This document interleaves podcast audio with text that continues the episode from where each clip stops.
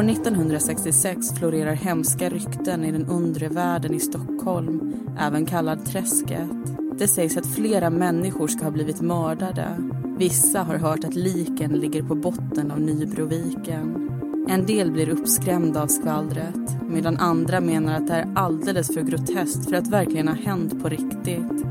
Men när poliserna följer upp en anmälan hittar de en kvinna som är villig att berätta sanningen. Det visar sig att hon vet både vilka som har mördats, vem som har mördat dem och hur det har gått till. Hon har nämligen bevittnat det med sina egna ögon och är nu rädd att det innebär att hon är näst på tur.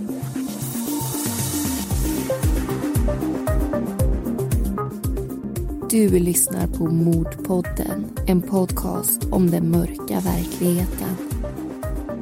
I veckans avsnitt berättar vi om träskmorden.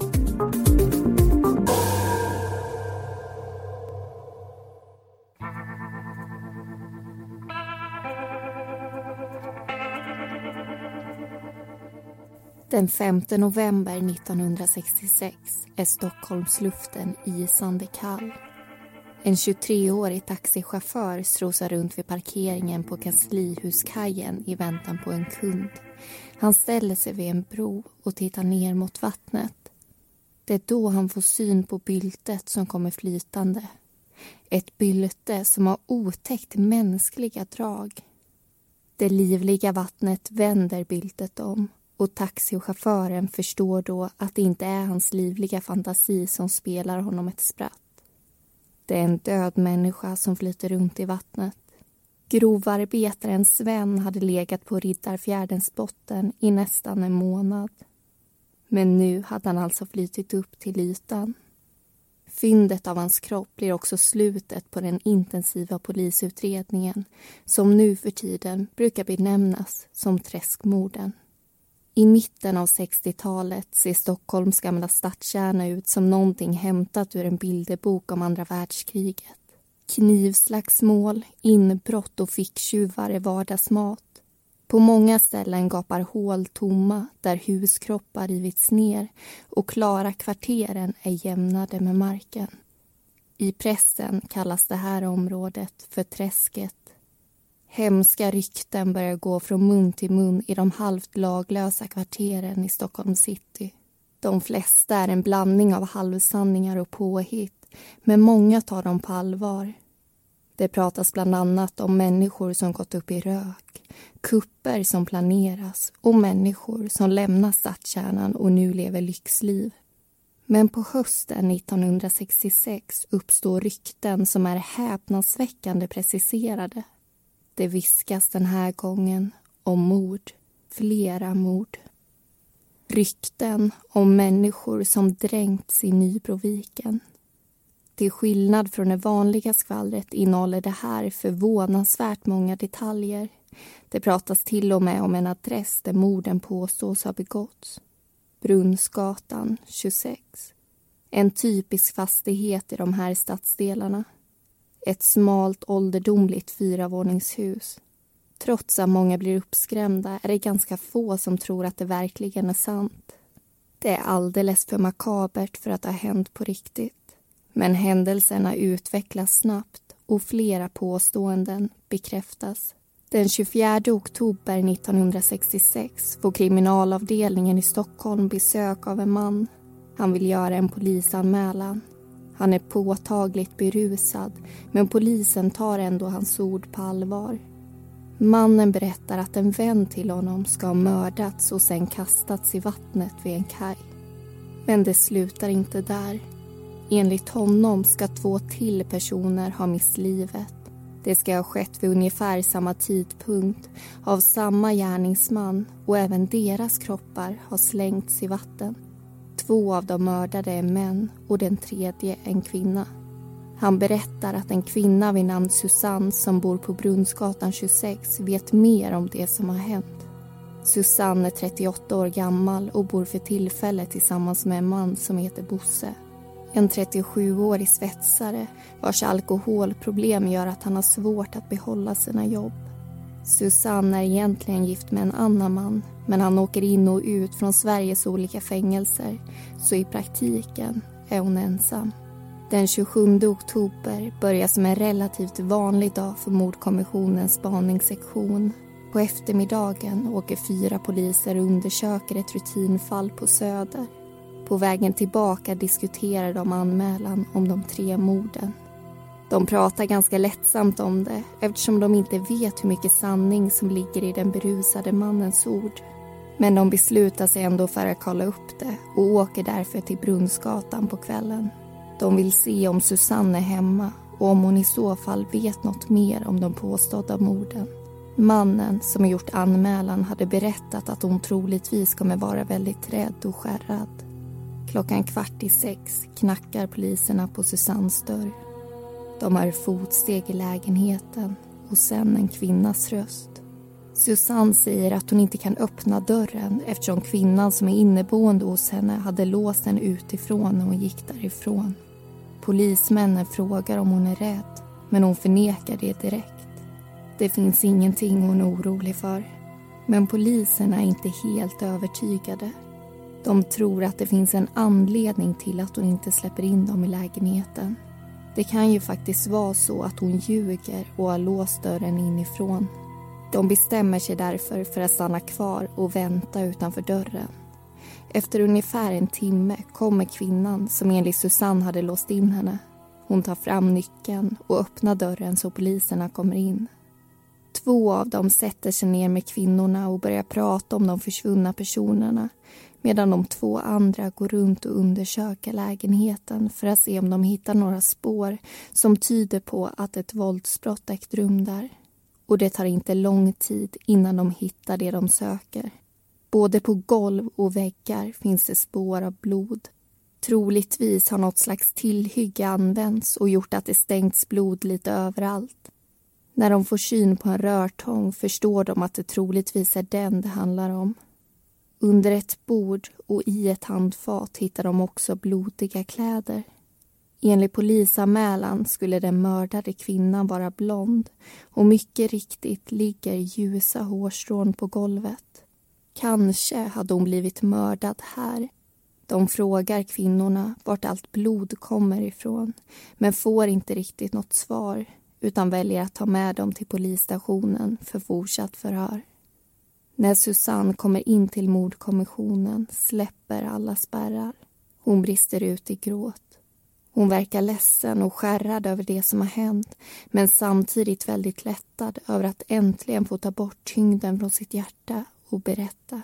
Hon vet varför flera personer försvunnit under den senaste tiden och vart de har tagit vägen. Utan några vidare frågor börjar hon spontant lätta sitt hjärta och berätta allting från början.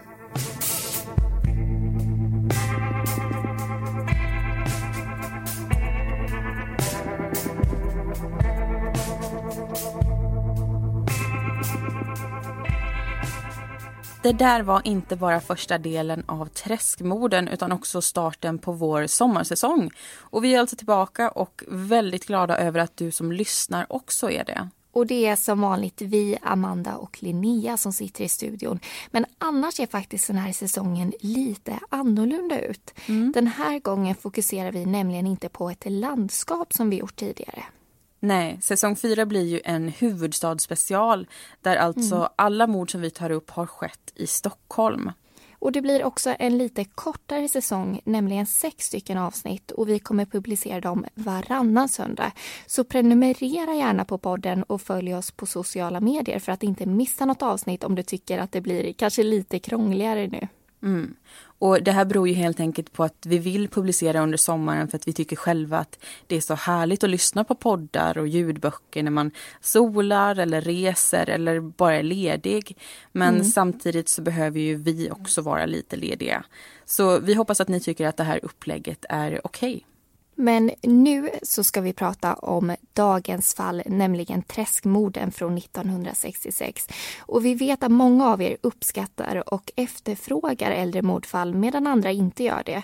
Och vi försöker därför variera fallen vi tar upp under en säsong för att göra så många som möjligt nöjda. Men, men av etiska skäl så tycker jag att det känns bra att ta upp äldre mordfall och jag tycker också det är intressant just för att man, man kanske inte har hört talas om dem så mycket eller helt enkelt glömt bort vad som har hänt. Mm. Och i det här fallet så är det ju en person som vi hittills inte har nämnt i avsnittet. Men eh, som kommer bli huvudpersonen i hela den här röran. Och han heter ju Peter. Och man kan säga att han har två olika personligheter. Han är på ett sätt när han är nykter och han är på ett helt annat sätt när han har alkohol i kroppen. Och om vi börjar med hans fina sidor kanske då, så är han givmild, han är omtänksam, han kommer alltid i tid till jobbet vilket tyder på att han är ordningsam och han har en, en ren och fin lägenhet. Och han bjuder ofta över sina vänner på mat och dryck och om det är så att någon inte har någonstans att bo så är den alltid välkommen att bo på hans soffa. Men så har han som sagt en Hej, jag Ryan Reynolds. At Mint Mobile, we like to do the opposite of what Big Wireless does. They charge you a lot, we charge you a little. So naturally, when they announced they'd be raising their prices due to inflation, we decided to deflate our prices due to not hating you. That's right. We're cutting the price of Mint Unlimited from $30 a month to just $15 a month. Give it a try at mintmobile.com slash switch. $45 upfront for three months plus taxes and fees. Promote for new customers for limited time. Unlimited more than 40 gigabytes per month. Slows. Full terms at mintmobile.com. annan sida också som inte är fullt så trevlig och generös. Mm. För Peter finns ju också med i belastningsregistret under ett flertal punkter. Och bland annat mm. har han ju gjort sig skyldig till bedrägeri, häleri, stöld, rattfylleri och egenmäktigt förfarande. Och han har ju suttit i fängelse vid ett flertal tillfällen och han dricker också nästan dagligen. Och när spritflaskan åker fram så gör också problemen det. För hans humör det kan skifta på bara några sekunder och då blir de som vanligtvis tycker om honom rädda för honom. Och Peter är alltså en person som ni kommer stöta på många gånger i avsnittet framöver. Och vi tänkte ta upp en händelse som blir lite av startskottet kan man säga till den här hemska karusellen. Mm. Och det är den 7 oktober som det här händer. Då knackar det på Peters dörr. Utanför så står två bekanta till honom som heter Sven och Lasse. Och de är väldigt glada, de är väldigt uppspelta och börjar direkt berätta om en idé som de har fått. En idé som faktiskt kommer ge dem 25 000 kronor. Och de här pengarna är det ju tänkt att de ska stjäla från en restaurang. Och Sven och Lasse de försäkrar ju att planen är i stort sett riskfri och att det alltså kommer vara väldigt enkelt att ta de här pengarna. Men Peter är ju kluven när han hör det här. Ja, för han har ju hört den här typen av story förut och vet att det alltid kan gå fel, även att de nu påstår att det inte kommer göra det.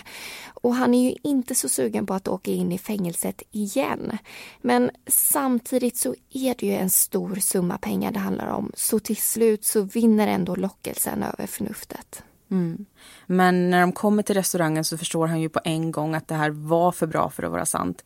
För anledningen till att de valde just den här restaurangen det var ju för att de hade ett gammalt och ganska dåligt kassaskåp som de trodde då skulle vara väldigt lätt att få upp.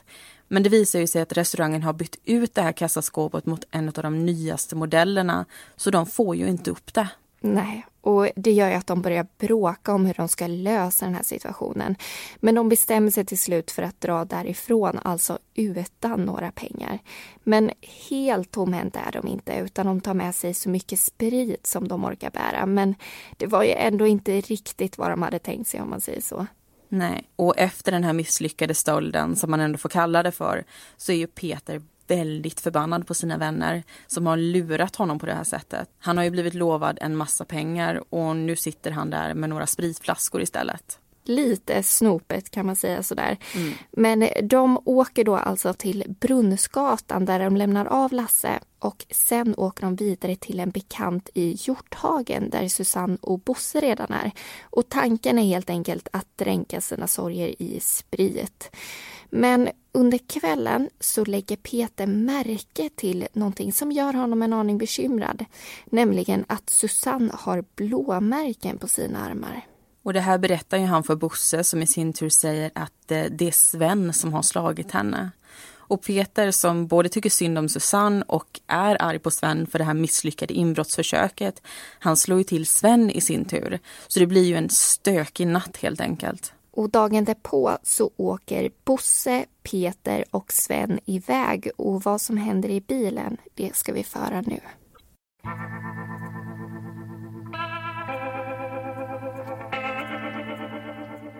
Ljudnivån ökar mer och mer i bilen samtidigt som stämningen blir sämre och sämre. Bosse är förbannad och grälar medan Sven i sin tur skryter om sina lyckade stötar trots att han precis misslyckats med en. Peter kör och kämpar för att inte lägga sig i diskussionerna utan sitter bara tyst vid ratten. Men inombords växer sig irritationen allt starkare och till slut tar den över. Han vill reda ut hur Susanne hade fått sina blåmärken. Men Sven är mer intresserad av att höra varför Peter hade slagit till honom tidigare. Han säger att han vill ha revansch. Det gör Peter ursinnig och i höjd med Riddarholmen får han nog och trampar gasen i botten. Med tjutande däck svänger han över bron och tvärbromsar nere vid kajen. Han öppnar bildörren och sliter ut Sven med ett ryck. Det är dags att göra upp. Bosse sitter kvar i bilen medan de andra två männen går iväg. Sven slår till Peter, men han kontrar direkt med en stenhård vänsterkrok som träffar mitt i tinningen. Sven sjunker ner på marken och glider över kajkanten. Peter blir förvånad själv över vad han har gjort. Han vet inte vad som flög i honom. Men han förstår vad som har hänt. Att det är illa. Riktigt illa. Sven är medvetslös och försvinner ner i det mörka vattnet. Det finns ingen möjlighet att Peter ska få upp honom igen och han bryr sig inte ens om att försöka. Det är det sista någon ser av Sven på en hel månad. Nästa gång skulle bli när han flyter upp till ytan framför ögonen på taxichauffören. Peter återvänder till bilen där Bosse sitter och väntar. Han har sett mycket i sina dagar och den enda känsla han känner just nu är hat och ilska. Nu åker vi härifrån och håller tyst om det här, säger Peter innan de lämnar platsen. Med full gas anländer de till slut till Brunnsgatan där de tar sig varsin grogg. Inne i lägenheten ligger Susanne och sover men hon vaknar till när männen kliver in genom dörren. De berättar att de inte är där för att sova utan för att hämta henne. Sven syns inte till. Susanne hoppar in i bilen tillsammans med Bosse och Peter och de åker förbi en kaj. Männen pekar ner i vattnet och säger Nu ser du inte Sven mer, för han ligger där. Susanne tolkar det hela som att de har dränkt Sven medan hon låg och sov och efter den dagen har hon inte sett Sven något mer. Om inte Bosse hade behövt åka in till sjukhuset på grund av sin gulsot några dagar senare hade historien kanske slutat där. Men mordet på Sven var tyvärr bara början. Den 17 oktober åker Peter till sjukhuset för att kolla hur vännen mår och lämna en bukett med blommor. Det visar sig att Bosse inte alls mår bra men det beror bara delvis på gulsoten. En stor oro gnager inom honom. Hyran är nämligen inte betald och sen vill han att någon ska hålla koll på Susanne. Peter försöker lugna honom och försäkrar att han ska ta hand om allting. Sagt och gjort promenerar han bort till det smala fyrvåningshuset den 15 oktober för att titta till Susanne. För att tjäna lite extra pengar ägnar sig Susanne åt prostitution och den här kvällen har hon varit ute och träffat en man i 50-årsåldern. De bestämmer sig för att han ska följa med henne hem till Brunnsgatan. När de kommer in i lägenheten sätter de sig bredvid varandra i sängen och börjar prata. Kunden är en lagerarbetare från Solna. Mitt i pratstunden stormar Peter in i lägenheten. Han vill bara se till att allting är okej med Susanne och att hon inte har fått ovälkommet besök från människor som trodde att det var okej att bara kliva in. Peter är irriterad över allt som har hänt, både på sig själv och sin omgivning. Och hans humör blir inte till det bättre när han upptäcker att Susanne inte är ensam. Men han sätter sig ner och häller upp en snaps. De pratar en stund alla tre. Peter gillar inte den okända mannen. Han upplever att han sitter och hånler och det byggs upp en inre ilska hos Peter. Mannen slänger plötsligt ur sig att han nyligen varit i Tyskland och att det minsann var högre klass på de kvinnor han köpte sex av där. Men det vet väl inte du något om? Du har väl aldrig varit där? Du har väl aldrig ens haft något jobb din jävla hallick? Säger han och syftar på Peter. Men det skulle han inte ha gjort. I alla fall inte om livet var det minsta värdefullt för honom. Peter sliter upp honom ur sängen så han står upp. Sen svingar han iväg en lika kraftig vänsterkrok som han gjorde mot Sven. Mannen sjunker ihop och under fallet slår han ansiktet i en stolkant. Men den här gången nöjer sig inte Peter där. Han tar fram en kniv. Det hela sker i rent raseri över att ha blivit kallad för en jävla hallick. Och fem hugg senare är mannen död. När Peter har lugnat ner sig går han och sätter sig på en stol. Då går det upp för honom vad han har gjort. Han har tagit livet av ännu en person. På bara några dagar har han blivit en dubbelmördare. Susanne har bevittnat hela händelsen från sin fåtölj som om det vore en film och inte något som verkligen hände i hennes eget hem. När Peter förklarar att mannen är död går hon fram till sin före detta kund och plockar på sig hans plånbok och klocka. Nästa tanke som slår Peter är att de måste få kroppen därifrån. Han kan inte ligga kvar i lägenheten. Tänk om någon kommer. Nej, ingen får veta vad han har gjort. Peter åker till en vän och frågar om han kan hjälpa honom få ut ett fyllo från en lägenhet på Brunnsgatan. Peter är väldigt noga med vad han säger. Han vill inte under några omständigheter att vännen ska förstå att det är en död människa det handlar om. Bara någon som har fått i sig för mycket alkohol. När de kommer dit ser vännen att mannen är blodig i ansiktet. Men Peter försöker avdramatisera det hela och säger att det inte är så farligt. Han har bara blött lite näsblod. När de har fått ut den döda mannen... Selling a little or a lot? Shopify helps you do your thing however you cha-ching. Shopify is the global commerce platform that helps you sell at every stage of your business. From the launch your online shop stage to the first real life store stage, all the way to the did we just hit a million orders stage. Shopify is there to help you grow. Shopify helps you turn browsers into buyers with the internet's best converting checkout. 36% better on average compared to other leading commerce platforms because businesses that grow grow with Shopify. Get a $1 per month trial period at Shopify.com slash work. Shopify.com slash work. Ryan Reynolds here from Mint Mobile. With the price of just about everything going up during inflation, we thought we'd bring our prices down. So to help us, we brought in a reverse auctioneer, which is apparently a thing. Mint Mobile unlimited premium wireless. Have to get 30, 30, bit to get 30, bit to get 20, 20, 20, bit to get 20, 20, bit to get 15, 15, 15, 15 just 15 bucks a month. So, Give it a try at mintmobile.com slash switch. $45 upfront for three months plus taxes and fees. Promo rate for new customers for limited time. Unlimited more than 40 gigabytes per month. Slows. Full terms at mintmobile.com. säger Peter åt vännen att ta en taxi därifrån.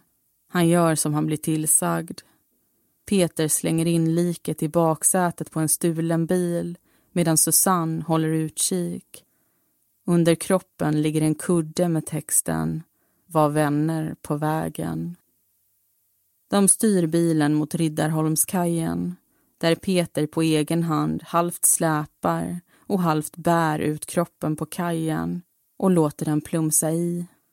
Mannen slukas av vattnet med ett gurglande.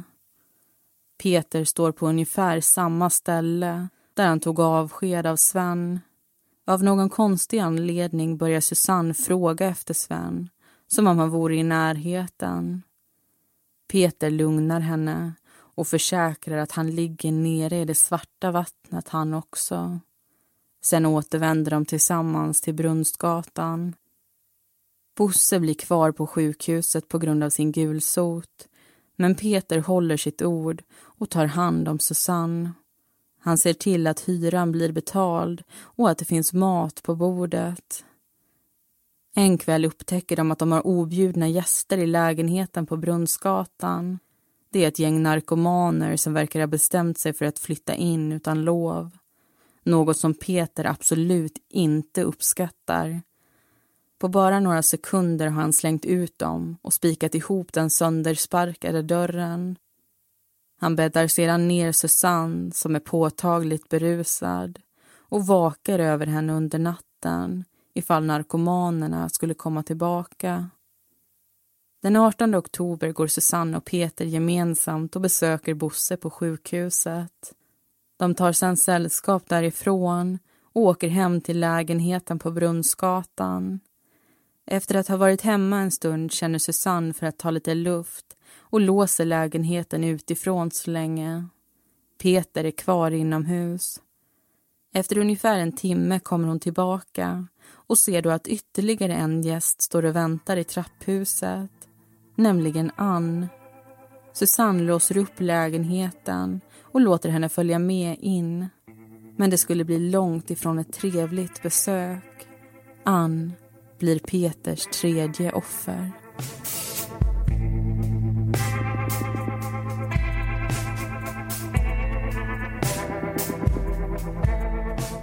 Säsong 4 är en huvudstadsspecial där alla mord vi tar upp har skett i Stockholm.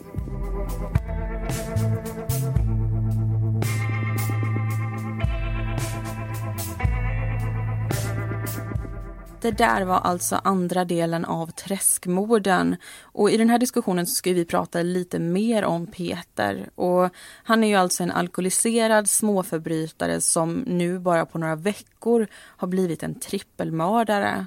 Och det är ju tre olika personer han mördar vid tre olika tillfällen. Så det är ju inte bara en händelse som får det att slå slint för honom.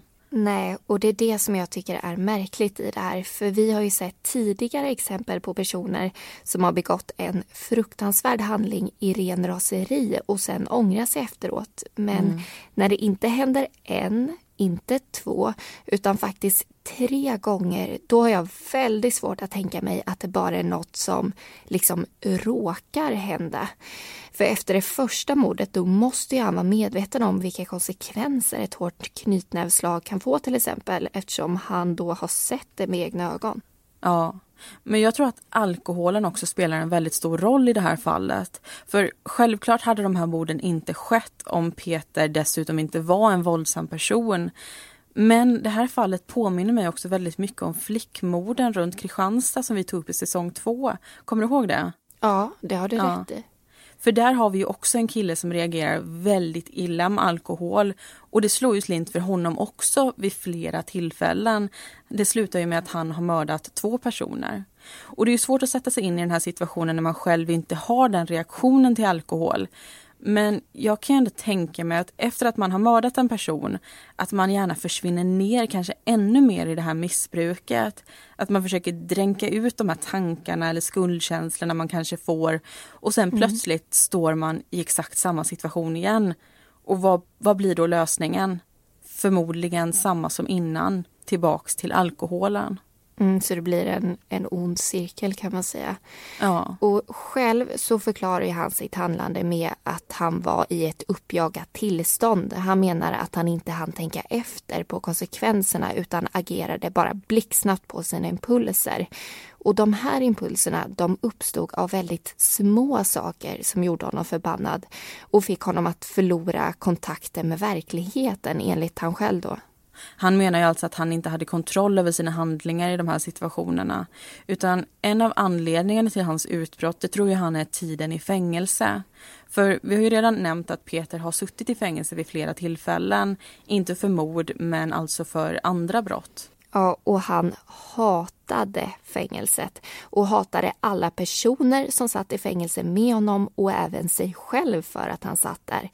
Han menar därför att den personen som han då blev skapades innanför de här murarna. För när han avtjänade sitt straff så kände han ett stort behov av att reagera mot omgivningen och det ruttna i sin omvärld som han börjar se. Och om vi går in på motiven då, för det har vi förstått att ni lyssnare, precis som vi, tycker är intressant att titta närmare på. Och i det här fallet så handlar det om att ta reda på vad det är för faktor som gör att det slår slint hos Peter. Och vi kan ju börja med det här mordet på Sven tycker jag. Ja, och det tror jag man förstår redan i berättelsen. För de bråkar alltså i bilen och det är det enda som behövs, att de tycker olika för att Peter ska slå till honom så pass hårt att han förlorar medvetandet och faller i vattnet. Och när det kommer till Susannes kund, alltså det andra mordet, så krävs det ännu mindre. I det fallet så tycker ju bara Peter att han är stöddig, att han har en taskig attityd. Och när han fäller den här hallick-kommentaren, då är ju mordet ett faktum redan.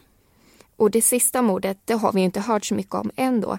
Men där blir Peter helt enkelt irriterad. Så det verkar med andra ord som att det krävs mindre och mindre för att han ska agera som han gör. Kanske för att han blir mer ostabil efter varje händelse, tänker jag. Mm. Och om det är så så blir det ju också en ond cirkel i det.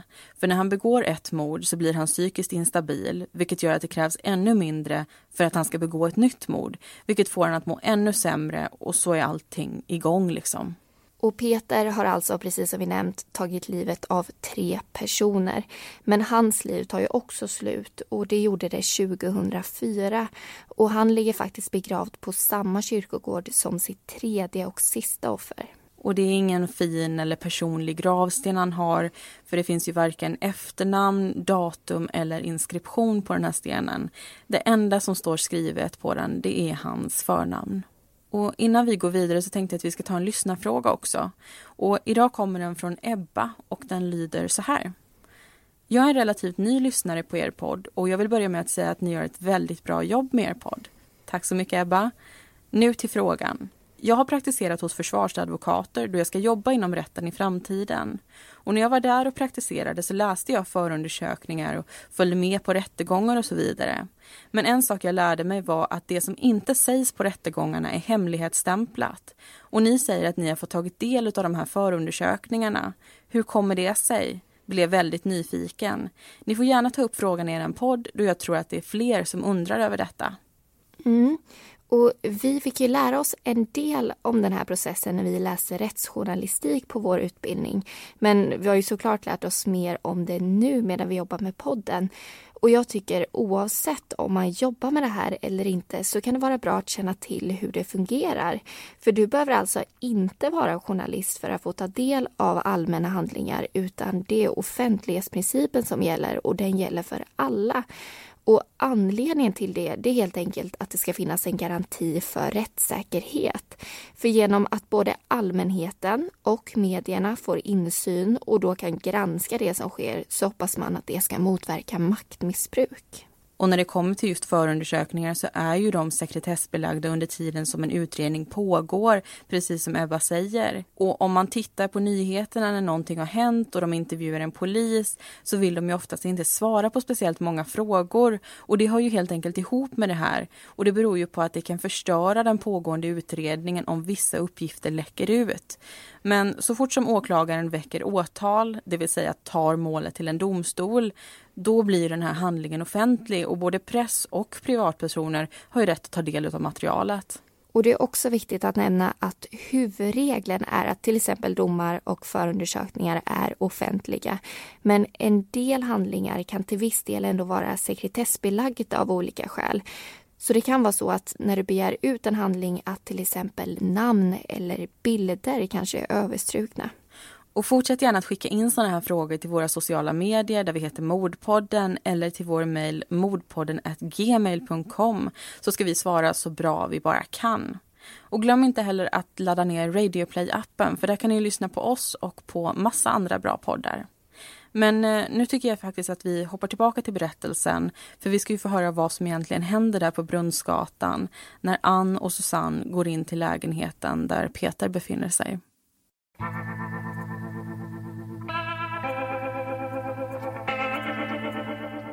Tio dagar efter det första mordet blir Peter väckt av Susanne. Det är sent på kvällen. Kvinnan sträcker fram en flaska brännvin. Men hon är inte ensam. Bredvid henne står Ann. Även hon är prostituerad och tillhör de mer erfarna inom yrket. Head over to Hulu this March where our new shows and movies will keep you streaming all month long. Catch the award-winning movie Poor things starring Emma Stone, Mark Ruffalo and Willem Dafoe. Check out the new documentary Freaknik, The Wildest Party Never Told about the iconic Atlanta street party. And don't miss FX's Shogun, a reimagining of the epic tale starring Anna Sawai. So, what are you waiting for? Go stream something new on Hulu. Trots att det är mörkt använder hon solglasögon. Hon saknar nämligen ett högeröga. Det blonda håret hänger fram och täcker delvis ansiktet. Hon är syster till Bosse, så Peter antar att det bara är att stå ut med hennes sällskap. Men egentligen tycker han inte om henne. Ann löser upp ett amfetaminliknande medel och injicerar det medan Susanne och Peter hugger in på brännvinet. Ann lägger sig ner på golvet men flyger upp med ett tryck efter en stund. Hela hon är förändrad. Det ser nästintill ut som att en demon tagit över hennes kropp. Hennes blick är helt blank och tom och hon skriker åt Susanne och Peter att de måste ut. Samtidigt som hon fortsätter gasta och skrika sliter hon ut saker ur garderoben rotar i lådor och välter möblerna runt omkring sig. Alla knarkare ska ut härifrån, även du om du inte håller dig tyst och lugn skriker Peter för att överrösta Anns vrål. Kvinnan verkar inte reagera det minsta på varningen. Trots att Peter varit med om mycket sina dagar är det här helt klart den absolut värsta snedtändningen han någonsin sett. Han måste få tyst på henne. Ann ger Susanne en rejäl utskällning och säger att hon inte har i lägenheten att göra. Då kommer Peter till undsättning och säger åt den otrevliga gästen att hålla käften. Han hotar med att hämta en rörtång om hon inte lugnar ner sig och gör som han säger. Men Ann fortsätter. Och tyvärr så är Peters ord inte bara tomma hot. I köket hämtar han en rörtång som ligger på diskbänken och slår till Ann i bakhuvudet. Trots att slaget är hårt får det bara kvinnan att vingla till en aning. Hon ber Peter att lägga ifrån sig tången och inte slå henne mer. Men han lyssnar inte på hennes vädjande utan svingar verktyget ännu en gång. Den här gången träffar den pannan och Ann faller ihop på nästan samma plats där Susannes kund mördades. Peter verkar inte vara det minsta berörd över det han nyss bevittnat och själv var orsaken till. Rörtången lägger han tillbaka på diskbänken och tar med sig Susanne som även den här gången följt det blodiga händelseförloppet med sina egna ögon. De lämnar lägenheten och tar en taxi till en bilverkstad som Peter jobbat på tidigare. Där stjäl de en Volvo och åker tillbaka till Brunnsgatan. De parkerar bilen så nära lägenhetsingången de kan komma. För att inte blanda in en tredje part bestämmer sig Peter för att bara ta hjälp av den vid det här laget väldigt berusade Susanne för att frakta undan kroppen. Han går in i lägenheten och slänger ut en matta genom fönstret som landar på innergården. Anns kropp låter han ta samma väg.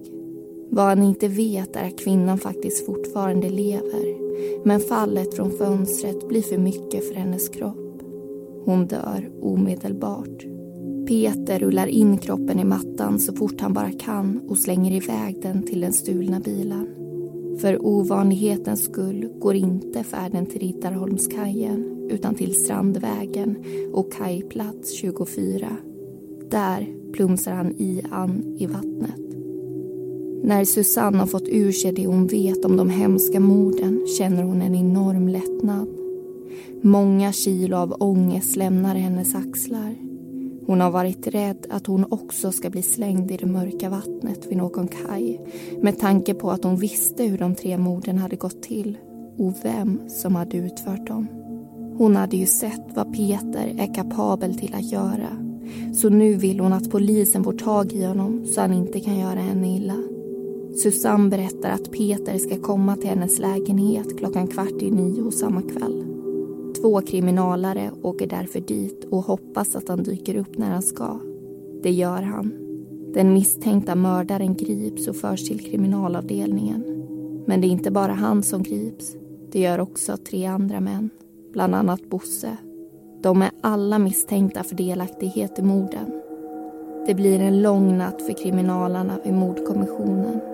Vissa poliser tvivlar på att uppgifterna som Susanne lämnat om händelseförloppet verkligen stämmer. Situationen känns helt enkelt för overklig. Flera personer sitter anhållna, men ingen kropp har ännu hittats. Under förmiddagen den 28 oktober följer polisen med Susanne till de platserna där hon tror att Peter hade kastat dit de mördade personerna.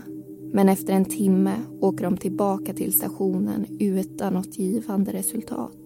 Poliserna, som redan var skeptiska, tvekar ännu mer på att morden verkligen har ägt rum och stämningen blir ganska pessimistisk. Men efter ett nytt förhör med Susanne kommer en gnutta hopp tillbaka. Hon vill nämligen minnas att hon hade sett en skylt med nummer 24 och en bensinstation i närheten av platsen där Ann kastades i.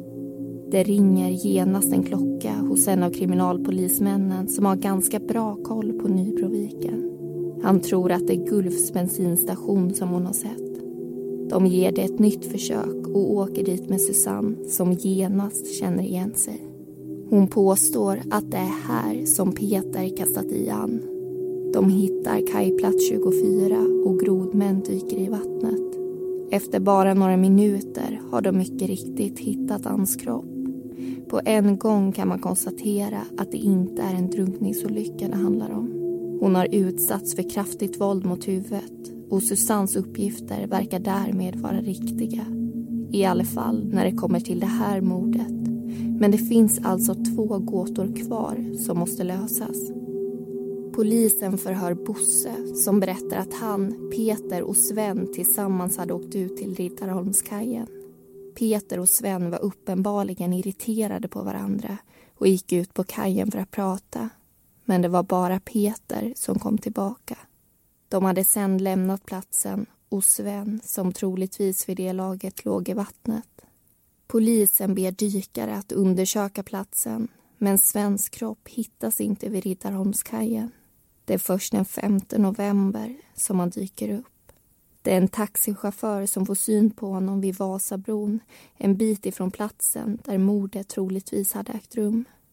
Men det är inte bara Sven som polisen letar efter.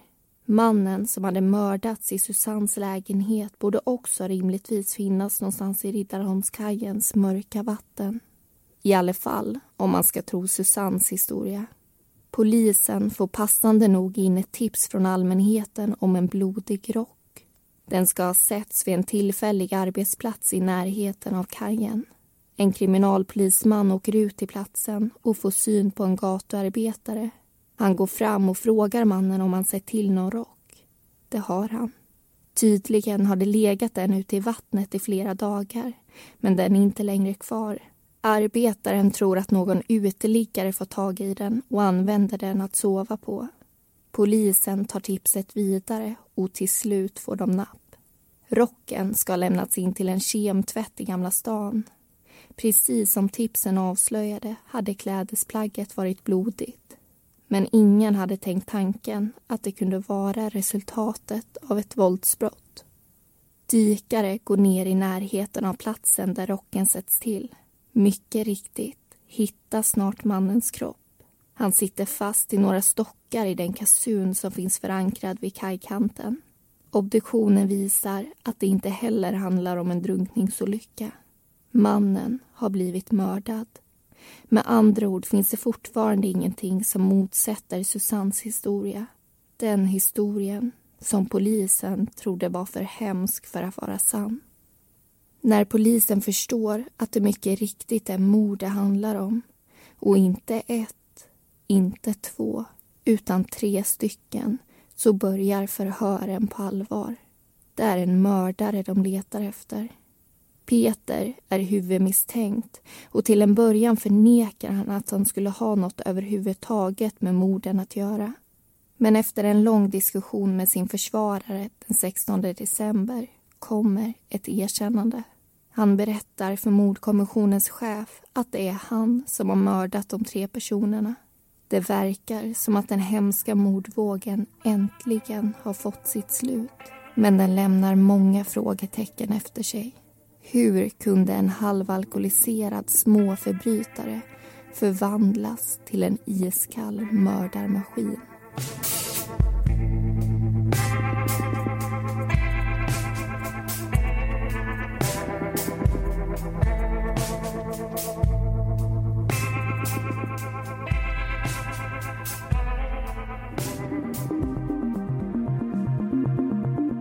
Peter dömdes för morden inför Stockholms rådhusrätt till livstidsfängelse och de övriga inblandade personerna dömdes för medhjälp till varierande påföljder.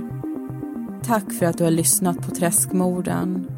Samtliga personer i berättelsen heter egentligen något annat och informationen är hämtad ifrån boken Glömda mord och andra försvunna brott skriven av Petter Inedal den nordiska kriminalkrönikan från 1974 och artiklar. Om två veckor fortsätter vår huvudstadsspecial och då ska vi berätta om styckmörderskan.